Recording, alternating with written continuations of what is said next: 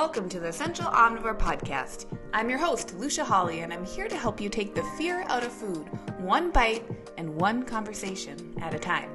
From guest interviews to the gooeyest of details about your guts. I hope you'll join me in creating space around the subject of our bodies and just what they might be telling us when we slow down and listen closely. Remember that the information provided within this podcast is for general information and educational purposes only and does not provide medical advice, professional diagnosis, opinion, treatment, or services to you or any other individual.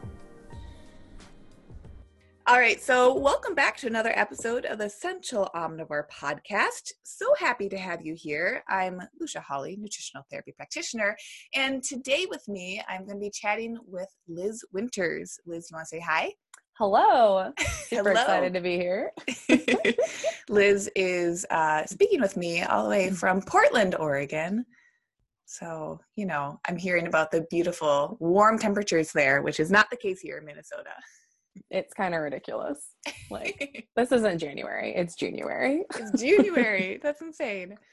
Um, so before we kind of hop into their interview, I thought maybe Liz, would you mind introducing yourself and just maybe telling people what you do, what you're up to? Sure, so many things. Um, like Lucia said, I'm Liz Winters. I'm also an NTP. Lucia and I went through the same NTP program together. Thank God for her. Um, I'm also a CrossFit level one coach and newly a BirthFit regional director. So I run my own nutritional therapy practice, Sprout Wellness, and then I also run an outdoor boot camp called Portland Outdoor Fitness. So kind of all the things, all the things, health and wellness and fun. Yeah, emphasis on the fun and fitness and and fitness. All of it. All of Love it. it. So we're just gonna dive in, Liz. How did you get into this stuff? Oh, into nutrition. Um, it's been a process. I think I think I've always been really interested in food and health. Um, like ever since I was little. Um, to give like backstory in my context, I um growing up, I was pretty overweight, and like if you look at today's standards, I think I would be considered uh, like an obese kid. Though nobody, I don't think anybody actually gave me that title, and I'm fairly thankful for that. Yeah. Um, but I was the youngest of five and big family, really close. Um, and yeah, I was just, I was just a fat little kid. Like it was just kind of my life.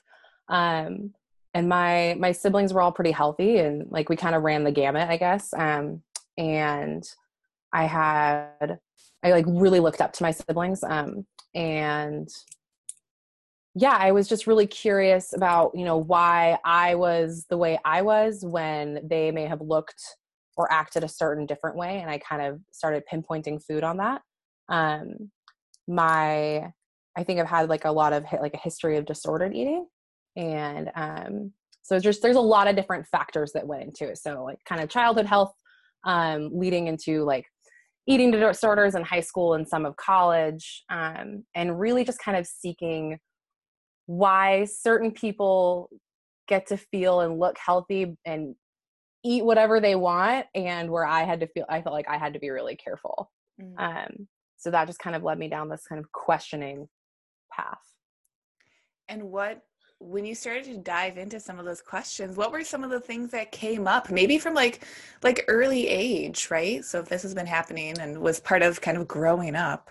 Right yeah. So I think one of like the big things that influenced it is that um my my dad had a heart attack when he was um he was a pretty young guy now that I think about it. I was like, oh, he must have been like mid early mid 40s, which doesn't sound that old to me now. so I was I was probably 3 or 4 4 at that time and um uh that scared the living bejesus out of me. Like I I was home when it happened and I like I remember it happening and I don't know that my parents know that I remember that. Um but I mean I remember the ambulance coming and all that. So like I think that was like my first pinpoint of like ooh, okay, I don't want that to happen to my dad ever again, right? like who wants that? Yeah. Um and I don't want that to happen to me. Like it was that first realization that like okay, this is all linked. Um and I can't I can't speak for my sister, but I feel like she said this at one point is that that's the point that she kind of went towards a vegetarian diet. Mm. Um and I like worship the ground that my sisters walk on, like still really. um and so I saw her go to a vegetarian diet and um she's like super healthy and like has her shit together and like life. And so that's what I linked. I was like, oh, okay, so this is what I need to do. So at this point, I think I stopped. Um, I started moving towards a vegetarian diet when I was in elementary school, oh, like wow. myself, yeah. um, and ended up like I stopped eating red meat, and um, because all of that conventional wisdom was saying like saturated fats, red meat, this is what causes heart attacks. My dad had a heart attack and then had had other episodes since then, and was like, okay, this is this is clearly what it is, cause and effect, right? Um, and so I started removing those things from my diet, um, and was basically like a pescatarian for much of junior high, high mm-hmm. school, um, and leading into college. Um, my parents were like kind of supportive. How, they didn't like so? force me to eat. They didn't force me to eat anything. Um, I think they've always just. I my parents are awesome but sometimes I think they just kind of shake their heads their head at me and they're like, "What? Like what? What now?" because, like I said, like I've been doing this like question and answer seeking game. So I think fifth grade is when I made that switch to like not eat red meat, and I may have had red meat since then, but um, that was that was my choice. And I, I should mention now that I am most definitely not a vegetarian. Yeah, and we'll definitely. I think we can definitely talk about that and that yeah. kind of transition. Um, so I switched to a vegetarian diet, and then in college, um, again, just kind of like seeking health. But then in college, I got really unhealthy again, and I don't. Oh man, I know what it is now, but like I didn't know what was going on, and I was really stressed all the time, and I couldn't figure it out. And this one particular women, woman that again I looked up to in the theater program, um, she went vegan, mm. and all of a sudden she lost all this weight and was just glowing and like just looked and I think felt like a million dollars. And I was like, I want that. Mm. Like, that is what I want. And so I was like, well, that's what I'm going to do. I'm going to go vegan. Like, what's one more step, you know? Right. And so I did that for about three years. And in I think I felt in college, uh, college and leading right after it. Um, so I think that was probably my senior year of college, then a couple years after. Um, and I felt really good for probably that first year, maybe. Um, and then I, my, my health tanked. Like I felt like garbage. I was gaining weight left and right and super moody and just felt like crap all the time and was like just kind of like emotionally unstable to be mm. perfectly honest was in a really terrible relationship and it may have not had anything to do with that. But I mean, I think one just kind of fueled the other. Um, and just kind of, I felt like I hit rock bottom. Um, and again, like, I think my goal since I was a kid is like really finding out what I need to eat to be healthy. And so again, this was just another blow that was like, okay, this is not this is not making me healthy. This is making it way, way, way worse. Um, and so I started um, I started working out with this this boot camp place in Portland, and um, it was a really supportive and wonderful community. And I met some really awesome people, and they did um, a paleo challenge. And the trainer, I remember having this conversation. We would go out for coffee every Saturday as a crew, and um, we were having this conversation about the paleo diet. And I had heard of it. Like one of my siblings had mentioned it, and I like rolled my eyes because I was clearly living the epitome of health, even though I was pretty overweight, really miserable, and my skin was going to shit. Oh. but I was the epitome of health. I was eating a vegan diet. Come on. Well, you were putting in the really hard work to make it make a vegan diet work for you. Yeah. And this was before I'd realized like any of my food allergies. I was like, this is just what life is. Like this is what this is what it is. Um, and the trainer had mentioned, she's like, no, no, no, no, no. Like, you need to read this book. I didn't read the book. Spoiler alert. She's like, heart disease does not come from this. But I was like, no, no, no, no, no. Like, we grew up eating meat and potatoes, and my dad had a heart attack. Like, this mm-hmm. is what it is. And she's like, that's not what it is. I promise it's not what it is.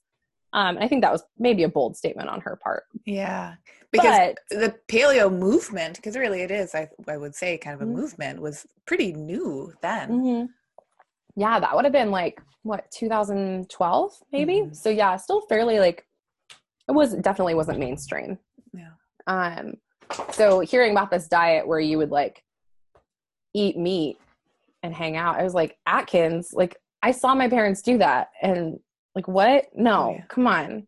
Eventually I was like, Mm. okay, I'll give it a shot. So you were you were with this very supportive kind of crew and group of Mhm. people, and it sounds Yeah. like the um, maybe the head coach Mhm. was supporting you to try this dietary change. Yeah.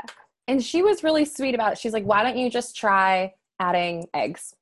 Just try adding eggs into your diet and see where see where it goes from there. Mm. Um, and I was like, okay, fine. And like, I knew something had to change at that point because like I was going through some like pretty severe health things, like really, really painful stomach cramps. Um, like I was in and out of the ER for the better part of that year and nobody could figure out what was going on. Like Wow. they were making me like drink the goo and do like the stomach scans. I still don't know what those are. And I did that as a little kid too. So Like- I think the goo and the stomach, the what is that ultrasound or not ultrasound um maybe like an mri or something of that sort Yeah. my knowledge of like that medical world is from Grey's Anatomy so just, uh, which just got signed on for more seasons, I think. how is that possible I don't, I don't know. I just saw Oh my headline. so major stomach cramping, which historically had been this Mhm. symptom that you've been experiencing. right and like going between like constipation and diarrhea and just like horrible gas and like just feeling like garbage and like that was my normal. So like why why would i think any different? But you know being uh employed fresh out of college like kind of part-time you know those bills start to add up and i'm like thinking that you know what maybe so there's something to this. Like let's let's see what i can do. Um and so i tried i inter- integrated eggs and i was like i'm just going to do eggs on this challenge. It's fine by two weeks in i was um, eating steak. Oh wow! yeah. So it was like my body got like a little taste and they're like you're like yes this is what's missing. And like dove right back in. And it was it was kind of remarkable. And i i was writing a really kind of weird blog. I say i'd say it's weird now. Um, yeah. blog at the time where I was like documenting like my veganness and how cool I was. Um, and while I was vegan for three years, I I started this blog maybe like my on my third year, and like five posts in, it's like, "Well, I'm eating animal protein again, And I feel and I feel great." yeah. So I felt a little betrayed because it was like the vegan was in the title of the blog, so it was kind of funny make that transition. and But- so and i you know i feel like with different stories of people transitioning from not eating animal proteins to then eating animal proteins sometimes that can be a difficult transition where they need to slowly kind of get their stomachs used to that type of a mm-hmm. protein and working on the stomach acid but from what you're saying it sounds like that you know it was enough of a something that your body really desired that it was like just let's go let's let's do this Right. Yeah. I think this was also at the same time that I found kombucha. So like this was just a revolutionary time in my life.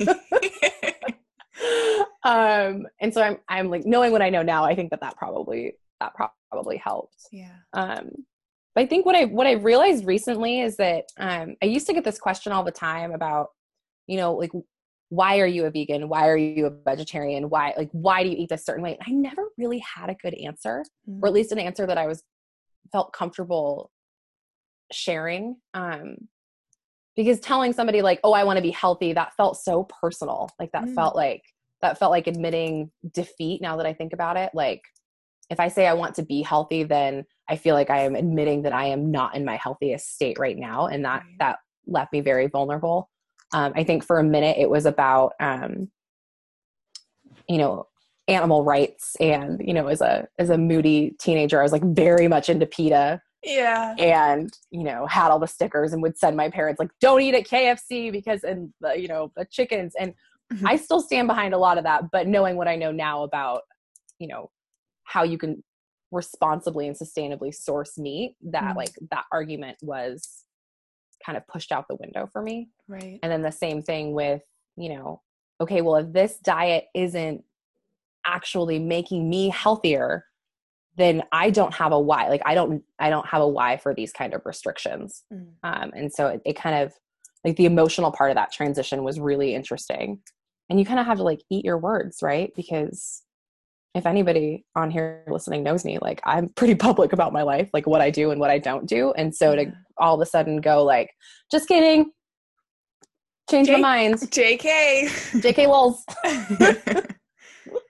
oh yeah, I was a vegan, but I'm gonna go eat this steak now. Like it's still it still cracks me up sometimes when I'm I don't know dissecting a chicken and like taking it up. you know like what what was was there a response when when you made that transition and that pretty quick transition back to animal meats like from friends or family or I think it it took I think my parents were relieved except when they realized that it, it it's like I switched once like I removed one set of food groups and then I just basically kind of flip-flopped. So I was like no meat's back but then all these other things that I was eating that you were used to me eating like grains and beans, I'm not eating those anymore. And so I think again they've been incredibly supportive and I think I'm really lucky in that. But I- I think it was just kind of like a uh, what? And I don't know that everybody really understands still why I why I do what I do. Um, yeah But I think I mean you can't argue with somebody saying it makes me feel better. Like there, So- there's no argument for that. so then could you kind of tell us some of the different um I mean, we were talking about stomach cramping. So some of those different Yeah. physical s- symptoms or signs that have shifted for you. Sure. Um, so when I, I I basically went from vegan to paleo within three months. Like it was a pretty like I was doing a whole 30, you know, two months later. So um and basically you're removing all the sugar and beans and grains and soy. So that was the majority of my diet. Yeah, those are- prior those to that. Those can be pretty big mainstays on a Right. vegan diet. Well, and and interestingly, when I was having a really set of really bad stomach cramps, one of my best friends was over, and we were googling like why people get stomach cramps. And Wikipedia is actually the first thing that pointed to the fact that I might have a gluten intolerance. Wow. And so that was really interesting. I was looking and I was like reading all of the signs and symptoms of gluten and soy, and I was like, oh my god, this describes everything that I'm dealing with. And I was like, I cannot, like, I cannot have celiac, and I don't have celiac, but it was just linking all of these things like oh my gosh i could i could live without having all of these things. And, and it it cleared up within within a couple months. Like it, it's when it went away. Like unbelievably fast Wow. so um, i got rid of bloat i all of a sudden had energy um, my my mood regulated i think that was like the biggest thing to get back where i didn't feel like I was crazy all the time or or hyper emotional. Like I would go through these really big highs and really really low lows. Mm. Um, and I think part of it was because I was carrying oh probably an extra fifty pounds at that point. Um, that like didn't feel good on my body, Right. and um, I was in a crappy relationship, but I also wasn't like I wasn't in a great relationship with myself either, so I couldn't really give very well to that space and wasn't getting what I needed either. And so I think I think all of these things are really really connected. Um so just to have like my mood and energy feel better, like I, I hadn't felt that good before. And all of a sudden, you know, I'm like kicking ass in the gym, winning mountain climb, climber competitions because that's a thing. Just in case you're wondering. There That's are no mountains involved. No mountains involved, but but you can win it. but I could win it. so these days, what would you say? What is your idea of health? Like if someone's coming to you now that you, you know, you work with clients from a fitness and from a nutrition and just a wellness and lifestyle perspective, in in your brain, what is your idea of health? I think it's going to depend on the person, but what what I don't think it is, I'll start there. I don't think it's reliant on a number on the scale. Mm. Um, I don't think it's necessarily reliant on, you know, fasting glucose levels or any of these like sciencey. I mean, there's those are those are pieces of it. Those are just pieces of a big puzzle. But um, I think health is kind of like that meeting point of feeling your best and like operating at your best level um emotionally physically and mentally, right? Mm-hmm. Like just feeling in all of those arenas. Because if you aren't, you might be like super ripped, but if you can't poop, like, right? Like, you know, like are, something's got to give. Okay. right? right. Or if you're super depressed all the time, you know, like all of these things, it's it's it's like a little health triangle. Like it all needs to kind of meet together. Yeah. Does that answer your question? That... It does. Yeah. Oh, good. w- with with your work with clients and just kind of noticing mm-hmm. because you do have this really cool lens on looking at people and just you know questioning wellness yeah. and health um what what would be maybe a general takeaway or something that you end up talking about with more clients than not? Absolutely. And i think it's it's a it's a mindset shift. Uh, we talk a lot about mindset here. So um w- when i'm working with clients you know everyone comes in with an end goal right? You're like i want to be able to do 5000 pull-ups with one arm or i want to lose 200 pounds by march. Or like you know i mean some goals are you know actually attainable and achievable um, and and some are ridiculous but you know it, they're they're that reality for that particular client right? Um, and so you know taking that kind of outcome based goal and turning it into okay what looking at it for like okay what behaviors can we implement now to get to that outcome. Mm. so rather than focusing on okay did you lose you know the five pounds you wanted to by the certain time frame? Yes or no? Like we can check that off but like let's look at what behaviors we need to implement together to make that a reality. Because if you don't reach it or you decide that that's not actually your end goal we're not discrediting all of the work that you've put in to get there to get yourself to a healthier state whether that's gaining five pounds or losing five pounds or whatever that might be. Right. Um, so i think that those like those behaviors are the most important thing that we can kind of look at um, and just because you can you can look back and say like okay you know what? Let's look at these like big rocks like these foundational elements of health like are you prioritizing sleep? Are you nourishing your body in a way that makes you feel good where you're not scared of food yeah. you're not constantly you're you're eating in a sustainable way so not necessarily weighing and measuring and doing all these things all of the time.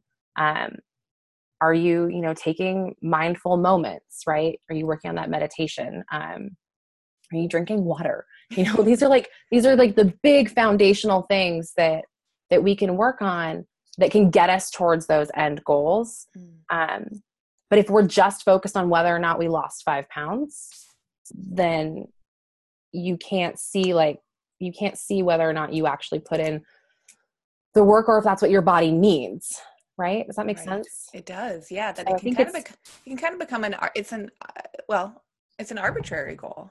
And it right. kind of like starts to bring it to that level of saying okay yes this is something we can be moving towards but while we're moving towards it let's look at how we're making those movements and like mm-hmm. what those movements are then informing in the rest of our lives. Right right. Because if you want any of that sustainable change you have to look at those behaviors. Right. Um because you can lose five pounds tomorrow by you know only drinking water and not eating any carbs today. But like that's not sustainable and that's not healthy and that's not going to keep you like if you look at you what, what's what's your real goal? What's your real goal with that loss of 5 pounds? What's the why behind it? Right. So I think that's that's what I like to work on with clients. Yeah.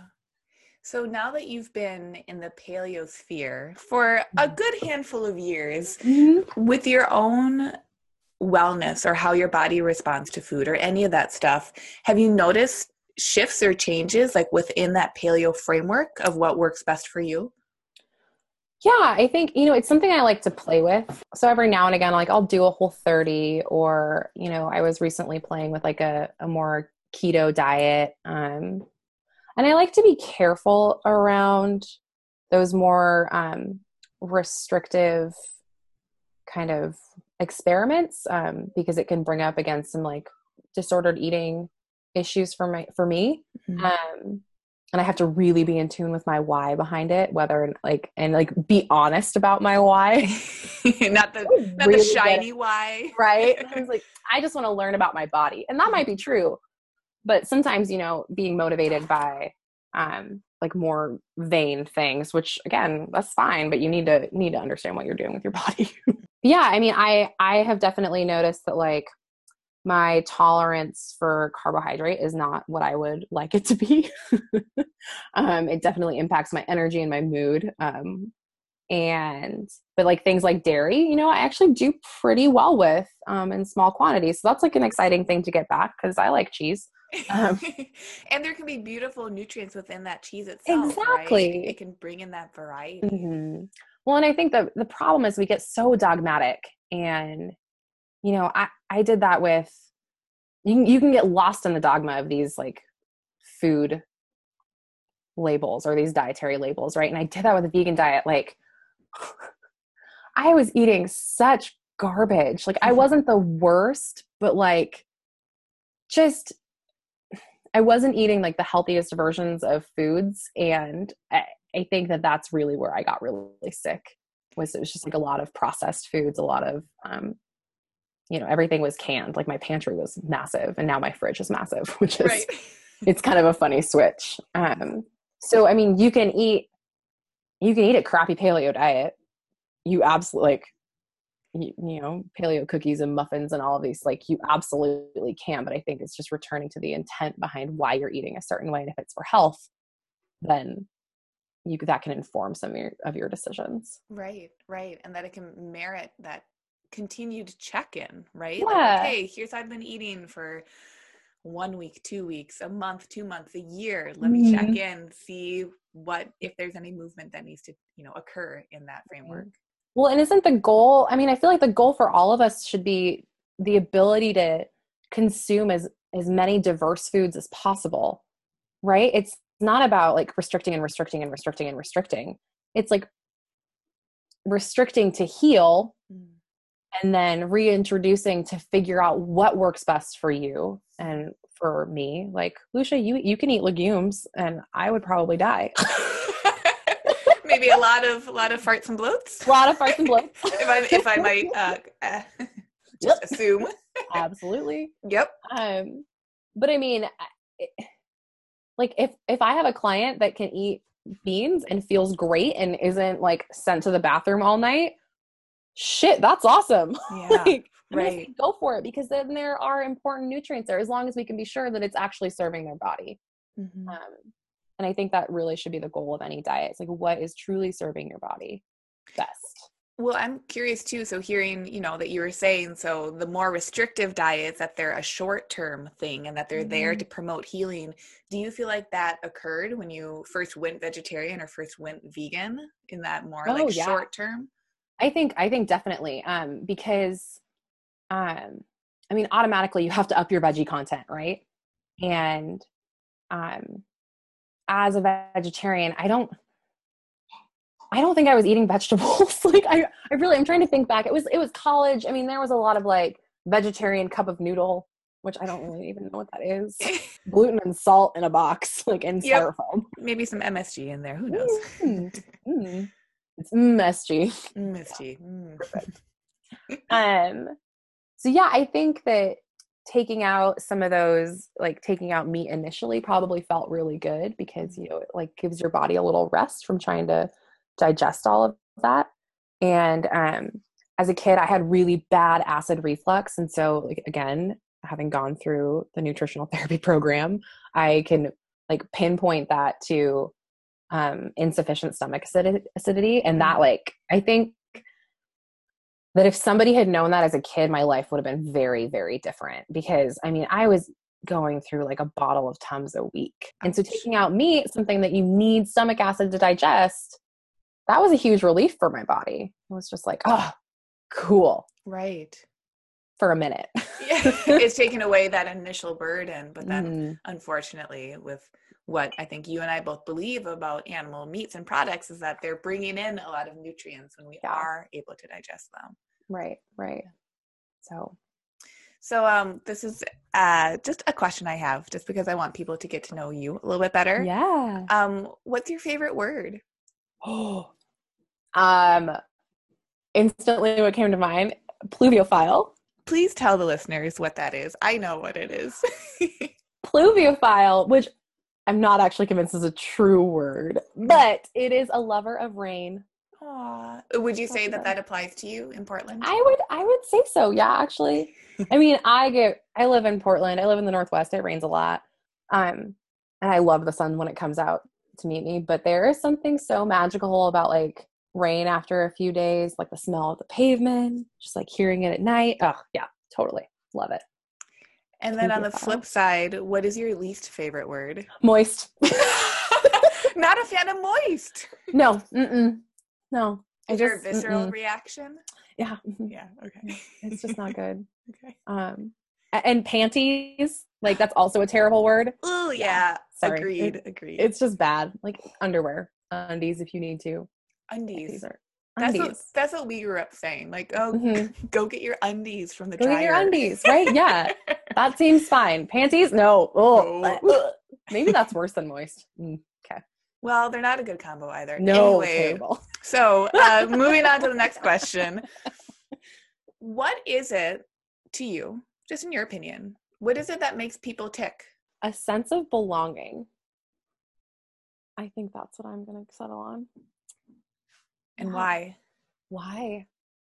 I just, I think even the most introverted among us need community in some sense, even if it's a fellow introvert where you both sit quietly and read. Yeah. across the room.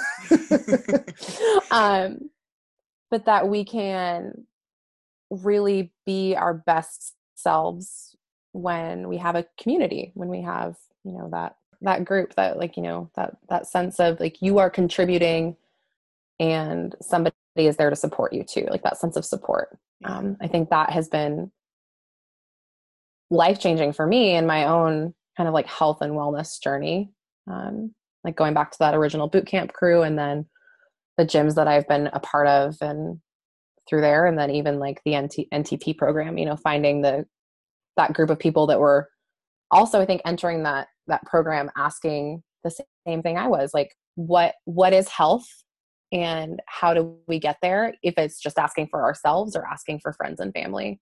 Um, but just having that kind of like-minded community. Yeah or maybe not even like-minded i think just having a sense of community I, you know there's some danger when you're only around like-minded people. You have to be challenged right? You need to have that growth mindset to be able right. to to learn more about yourself. Right. Well, yeah and that a community maybe a supportive community is one mm-hmm. that uh, like supports supports. you, but but also brings in opportunity for questioning and for change and movement within its individual little community members yeah. too. Tell us a little bit about how you made that shift or what you've learned really about the meat industry and the types of meat that you feel comfortable consuming. Yeah i um i think it's definitely been a, a kind of a process. Um, when I first started eating meat again, I, I didn't, I truly didn't know about like grass fed or pasture raised or or I didn't really know much. I knew about factory farming, but I assumed that the meat that I was getting at the store couldn't possibly come from a factory farm because it would say something on there that would be like, "This is the devil's meat" or whatever. this is the worst. These are from sad cows. Yeah. Um, I think the more I learned, the more I was like, this needs to be a priority but it really wasn't possible budget wise. Um, and the variety wasn't there. You know, you go to your your local grocery store, and even in Portland, um, if you were to go to a Safeway or Fred Meyer, the grass fed beef that you're going to find is just ground beef. Mm. Um, and then if you go to, you know, New Seasons or you kind of like Whole Foods style thing, um, it's really expensive. yeah, there's like it's barrier. really expensive. And, yeah. and I mean, w- worth it for what you're getting. Um, but I think learning about you know the lives of animals and what they're actually supposed to eat, it never had occurred to me that um, cows aren't supposed to eat grains. Like their their stomachs, just like mine, can't digest it well, um, and it and it changes the animal entirely. So I was like, these poor cows, they're just gonna be farting and cramping all the time. The yeah, worst. they're having some of those stomach cramps right. too. They they can't get to an ER. Right, they can't get to an ER and they can't Wikipedia life. No. Like, come on. um, and so I, you know, started. I probably heard it from you know like a Balanced Bites podcast or or one of the paleo spheres looking into you know buying meat in bulk. But again, it's it's a barrier because you have to have a space to put it um, and you have to be able to come up with you know at least $400 up front um, and so my husband and i this is the third time we bought a cow but basically we made that our, our priority. We like started setting aside a little bit of money every month um, until we had enough where we felt comfortable like okay like let's let's buy a quarter cow share and see how it goes. Um, we got a discount chest freezer off like the sears outlet for like $150 like it was very inexpensive um, and bought our first cow share. So we looked on oh is it i think it's Eatwild is the website that you can look up and you can find like basically it'll show you all of the grass fed um, or like farmers that are committed to um, raising their animals on pasture land and feeding and finishing with grass. Mm-hmm. Um, and so we found a rancher on there and connected with them and ordered it and she delivered it and it was great. And then we've we've since moved to a different farm um, that's that's more local. But I mean, we can go out. We go out to the farm, you know, once every couple years and go get our share, and it's it's just awesome because you know exactly where it's coming from. Um, you know exactly how the animal's raised. You're supporting a small business, um, and it's it's a chunk of money up front. But I think like we did the math. Um, we got a half cow this time, and that'll last us at least two years. Um, and that's that's about how long it's good for. So we'll have to have people over for dinner, Lucia. yeah, I'll be there. I'll fly um, out. And it comes out to like five ninety five a pound, which is a steal of a deal for yeah. the highest quality, most local mm-hmm. meat you can get. Right, like our we know the cow that was in our freezer was raised an hour and a half away from here. Like I've walked on the farm, I've seen, you know, where it eats, like what it does. I know the farmer well. Like you have a relationship with her now like it, it's just um, it's a really community too. exactly exactly and so if you're going to argue it from a sustainability standpoint like these are not feedlot cows right? They aren't producing that same kind of you know methane.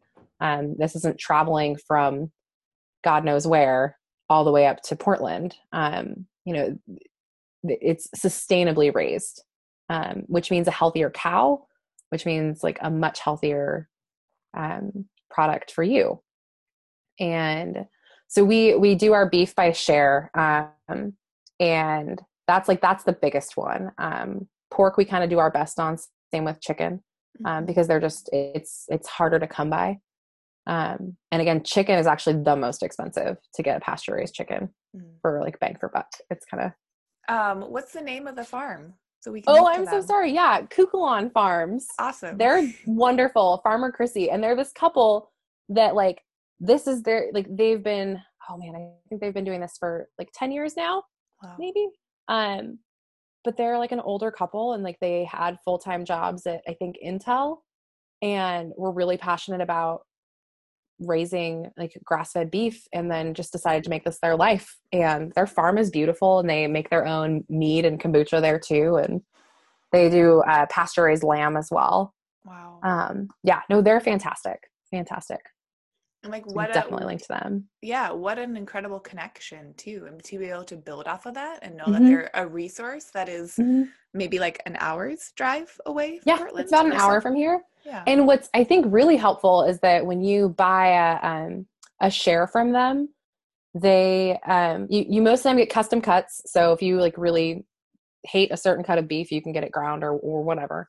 Um so that's kind of nice. You you know you're gonna get what you want, but you also can get bones for broth. Like they have a whole freezer. They have organ meat from other people who like I'm not going to use this, and so you can go ahead and take that organ meat, mm. which is fantastic, and that's free of charge. Yeah, I mean it comes with it.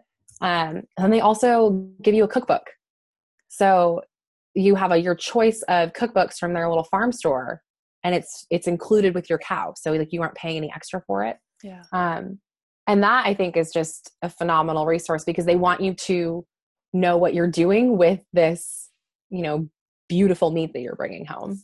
Right. And it's so coming from a place of empowerment too. Right. Yeah. Like learn how to use this. And so you don't, so it doesn't go to waste. Right. Mm-hmm. Kind of do the animal justice and do this mm-hmm. whole cycle that's been so methodical and thought about. Do right. it all justice. No big deal. And now you have two years worth of beef in your freezer. I do. I do. So I'll never buy groceries ever again. right? Right? That's how it works. no. Um, the other cool resource we actually just started using is ButcherBox. Mm. So this is kind of a nice option, and we haven't gotten it yet. So like, this is not like a true review, but I'm I'm excited about it. Um, but they deliver beef to your door once a month from local farms, and it's frozen, and you can choose again choose your custom cuts and choose your um what you what you actually want. So you, I know exactly what's coming in the mail. Yeah. So we did that with pork and chicken. I think we got our first delivery this week. wow. Um, so that's again kind of nice because we were having trouble sourcing um, chicken and pork consistently Mhm. um, without paying a million dollars a pound. So that'll show up at our door. So we'll see. oh my gosh. I'll let you Well, know how it goes. And I love this dialogue too because it comes back, I think, to, you know, some kind of public health sphere. Like it's more of that macro sphere when you start to talk about Mhm. farmers and access and resources that are local and um, just that general wellness. So that's Right. absolutely just incredible. And I think you want to mention imperfect produce too. Imperfect Produce is fantastic, and they're in the Bay Area and the Northwest, um, and I think Chicago. Yep. They're getting so much closer to you. So Yep. much closer. They're spreading into the Midwest, and I can't wait until they're here. But what do they? Uh, can you just tell people what they do? Yeah, so Imperfect Produce sources uh, fruits and veggies that would have been discarded for um, cosmetic or um, oversupply reasons. So if you, if there are ridiculous cosmetic standards for, let's say, an orange to end up on the shelf in that pyramid at a grocery store. So if it has any kind of scarring on the outside or like another little orange growing off the side, which would be pretty cool to see, um, it doesn't get sold and it gets thrown away. And that's just incredibly wasteful. So you're throwing away pounds upon pounds of produce. So imperfect produce has kind of like gone into that supply chain and takes that produce and um, has turned it into like a, a veggie delivery program. So each week I get an email from them and they say, hey, here's what we're offering this week. I can go through and say, like, yes, we'll use pro- parsnips or no, we won't. So again, they aren't going to send me things that I don't need or want. Um, it'll tell me where it's coming from and what the imperfection is, if it's just surplus or if it's scarring or if it, you know, has like an extra friend growing off the side. Um, and then it's delivered a couple days later. So I can totally customize my box and it saves, I mean, we've saved probably, I think, a thousand pounds of produce in the six months we've been using them. Um, because they, they tell you that and I like geek out over that data. It's kind of awesome Right.